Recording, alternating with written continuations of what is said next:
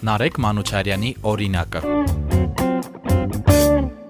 հենց կինովիպակի առանձնահատկությունն էլ դրանում է իմ կարծիքով, որ հենց ամենասկզբից մենք տեսնում ենք պատերազմական իրավիճակ, այսինքն մենք սկսում ենք հոկտեմբերի 7 2020 թվական պատերազմական իրավիճակ, գնահ գալիս սեպտեմբերի 27 2022 հետո գնում հոկտեմբերի 14 2013 այսինքն նկարագրվում է գլխավոր հերոսի եւ համալսարանի տարիները թե ինքը ոնց է ռազմական լրագրությամբ հետաքրքրված պատմա իր հոր ու մոր մասին ովքեր իր կարծիքով պատերազմի հերոսներ են ու այնտեղ շեշտում որ ինձ համար յուրաքանչյուր մասնակից է պատերազմի հերոս ու այդպես գալիս ենք արդեն իր բանակային կյանքը ոնց է ինքը բանակում փորձում գտնել իրեն ոնց է բանակում միանգամից մեծանում այսինքն ցույց եմ տալիս այդ էվոլյուցիան մարդու բանակը ոնց է փոխում մարդուն ու ոնց է ստիպում որ ինքը հետագայում նորից հետ գա հադրութը որտեղ ինքը ծառայել է ու կռվի հադրութի համար Արցախյան 3 պատերազմների հետևանքներն են գրում Նարեկ Մանուչարյանի Արմեն կինովիպակի հերոսները։ Գրքի էջերը թերթելով Նարեկը պատմում է Հադրութի Աբգար Պապի ու Սուսան Բաբոյի մասին,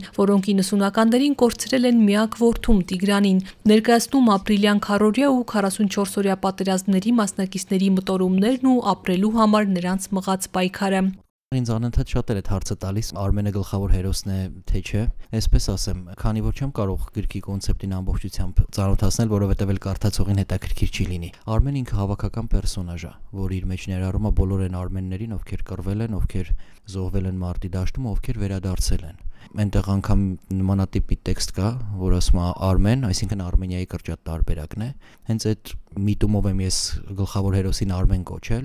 Այսպես ասեմ, բոլորն էլ այստեղ երևի այս պարագայում գլխավոր են, որովհետև յուրաքանչյուրն էլ տարբեր ժամանակահատվածի պատերազմական իրավիճակի կրող մարդիկ են։ Գիրքը հետաքրքիր շապիկ ունի, ինչու է կընտրել հենց ձայնային հաղորդագրության պատկերը եւ որքանով այն կապ ունի գրքի բովանդակության հետ։ Այսպես ասեմ, Արմեն գրվածքը հենց իմ ձեռագրով է գրված։ Աշխատեցինք Միքայելի հետ, շատ լավ դիզայներ է, որը ինձ խորհուրդ տվեց, որ կարելի է ձայնային հաղորդագրություն ունենալ գրքի վրա։ Հենց հիմնական հիմնական գիծը գնում է այդ տեղով, որ գլխավոր հերոսին, ով մարտի դաշտում է, ամբողջ մարդկոցը զոհվել է, միայն ինքն է ողջ մնացել ու կորցրել հիշողությունը։ Ու գալիս է ձայնային հաղորդագրություն մի աղջկանից, որ ասում է, որ իր կինն է, ինք ունի երեխա, որ իրենք ինչ որ մի կետում բաժանվել են, բայց մեծ մարդիկ են, ամեն ինչ կկարգավորվի, ուղղակի դրա համար պետքա որ Արմենը վերադառնա։ Այսինքն մենք փորձեցինք այդ ձայնային հաղորդագրությունը ստանալ գրքի վրա ու հենց ձայնային հաղորդագրությունը 5 վայրկյան է տևում։ Ցույց տանք, որ անգամ 5 վայրկյանում հնարավոր է բրկել մարդուն։ Նարեկը մասնագիտությամբ թատերական ռեժիսոր է, աշխատում է թատրոն տանիքում նախագծում։ Հիմա մարտական ակումբ նոր ներկայացմանն են պատրաստվում, որտեղ ոչ թե ռեժիսոր, այլ դերասան է։ Պատմում է, որ սովորել է տնտեսագիտական համալսարանում, բայց բանակից վերադառնալուց հետո հասկացել, որ դա այն մասնագիտությունը չէ, ինչ ինքն է ուզում, եւ ընդունվել թատերական ինստիտուտ Հրաչյա Գասպարյանի արվեստանոց։ Նարեկը սիրում է ստեղծագործել 44-օրյա պատերազմից առաջ էր սկսել գրել Արմեն Վիպակը։ Սկզբում մտածում էր, որ այն կլինի լինի պիես մոնոներկայացման կամ սցենար կարճամետրաժ ֆիլմի համար, բայց պատերազմի ավարտից հետո չկարողացավ շարունակել շատ-շատ եմ փորձել գրել, այսինքն դե իմ վարպետի հիմնական կարգախոսն էլ հենց դա է, որ եթե մենք ռեժիսոր ենք, մենք նաև պիտի իմանանք այդ մասով աշխատել, որովհետև պիեսների վրա աշխատանքը հենց այդ ձևով է արվում, այսինքն կրճատումներ անել, մեր կողմից ավելացնել ինչ-որ մի բան ու սկսեցի փորձել, սկզբում փոքր պատմվածքներ, հետո նաև պիես գրեցի, վարպետիս հետ միասին քննարկեցինք ու հասկացա, որ հետաքրքիր ինչ-որ մի բան ստացվում է։ Հետո պատերազմի ժամանակ երևի չգիտեմ էմոցիաներն էին, որ ինձ ստիպեցին ավելի տարածվել, սկսել ավելի շատ մարդկանց մասին խոսել գործում ու հասկացա, որ վերածվում է վիպակի։ Բայց նոյեմբերի 9-ից հետո ճիշտն ասած դաթար էի վերցրել ու ոչ մի ձևով չէի կարողանում անդրադառնալ գործին։ Ինձ համար շատ ցավոտ էր, որովհետև հիմնական պերսոնաժներս հադրութից էին հենց ու նոյեմբերի 9-ից հետո կարծես թե անտուն մնացած լինեին ու ոչ մի ձևով չէի կարողանում իրենց համար շարունակություն գտնել ու ֆայլն էլ էի ուզում ջնջեի անկեղծ ուղղակի պարկաստու չարեցի այս տարի գարնանը ուրիշ ֆայլ էի փնտրում լրիվ միամիտ գտա ֆայլը բացեցի ու երևի մի քանի օրվա մեջ ավարտեցի երևի պետք էր այդ սառել Ռեժիսորի մասնագիտությունը Նարեկին օգնել է գիրք գրելիս, ասում է այնպես է դասավորել սցենարը, որ վիպակը հեշտությամբ վերածվի ֆիլմի։ Մոնտաժային առանձնահատկությունները հաջորդում են իրար։ Խմբագրի արձակագիր Արմինե Բոյաջյանի հետ երկար են աշխատել յուրաքանչյուր բարի ու նախադասության վրա։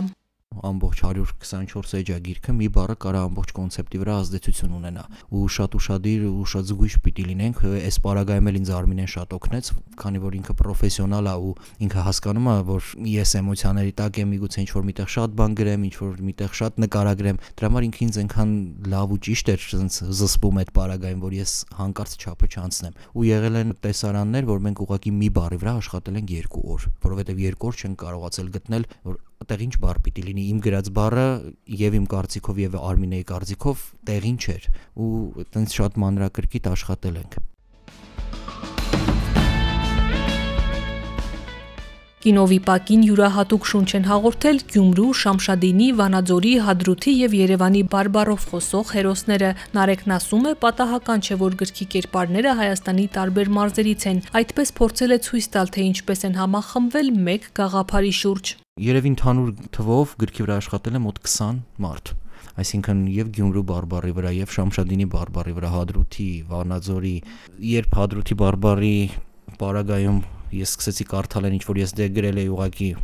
գրական հայերենով, հետո արդեն սկսեցինք սարքել հադրութի բարբարով։ Ես կարդում ես չի հասկանում, ես ինչ եմ գրել։ Մտա ասում եի կարող ժողովուրդ ինձ ինչ որ միտեղ խափում եք, ստեղ ուրիշ բաներ եք գրել։ Բայց հետո ընդամենը մի քանի օր ուսումնասիրելուց հետո հասկացա, որ չէ, ընդհանրապես ոչ մի դժվար բան չկա։ Եթե ուշադիր ես կարդում, այնտեղ անգամ տեսարան ունեմ, որ 4 պերսոնաժ Շամշադինցին, Գյումրեցին, Վանաձորցին ու Հադրութին միասին խոսում են։ Ու այդ շատ տարօրինակ տեսարան է, բայց իրար հասկանում են, այսինքն չկա խնդիր նա խոսում է Հադրութի բարբարով, նա Վանաձորի բարբարով պատասխանում, նա Գյումրու բարբարով արձագանքում, ու այնքան հետաքրքիր կոլորիտ է եկել, sense այն իդեալական հայկական կոլորիտն է, որ ամեն մեկը իր բնավորությունն ու իր խառնվածքը ոնց է կարողանում բարբարի միջոցով ոնց է բարբարը մարդուն տալիս էլի այդ խառնվածքն ու այդ կերպարը։ Շատ հետաքրքիր դարձավ։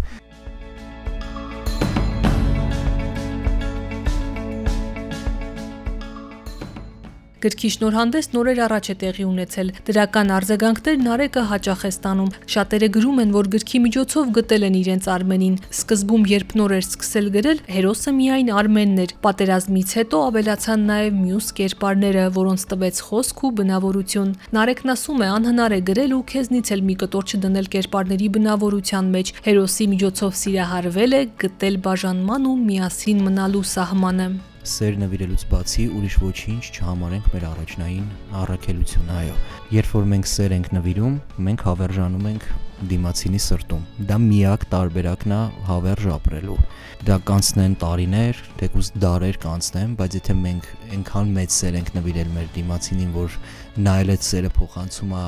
հաջորդ սերնդին, հաջորդ սերունդն էլ մյուսին, մենք հավերժ ապրելու ենք ու երևի թե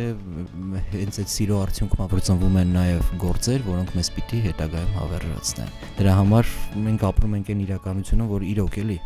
վաղը հնարավոր է որ այն մարդում մենք իրոք անմնացող սիրում ենք, էլ չլինի։ Դա է մեր հիմիկվա իրականությունը, մենք ոչ մի ձևով չենք կարող փախչել դրանից։ Դրա համար այս հենց այս 5 վայրկյանը հենց դա է, որ վայրկյան առաջ պատմեք սիրելիին, որ սիրում եք իրեն, որովհետև վաղը հնարավոր է դուք կամ ձեր սիրելին էլ չլինի։ Դրա համար հավերժացրեք ու հավերժացեք։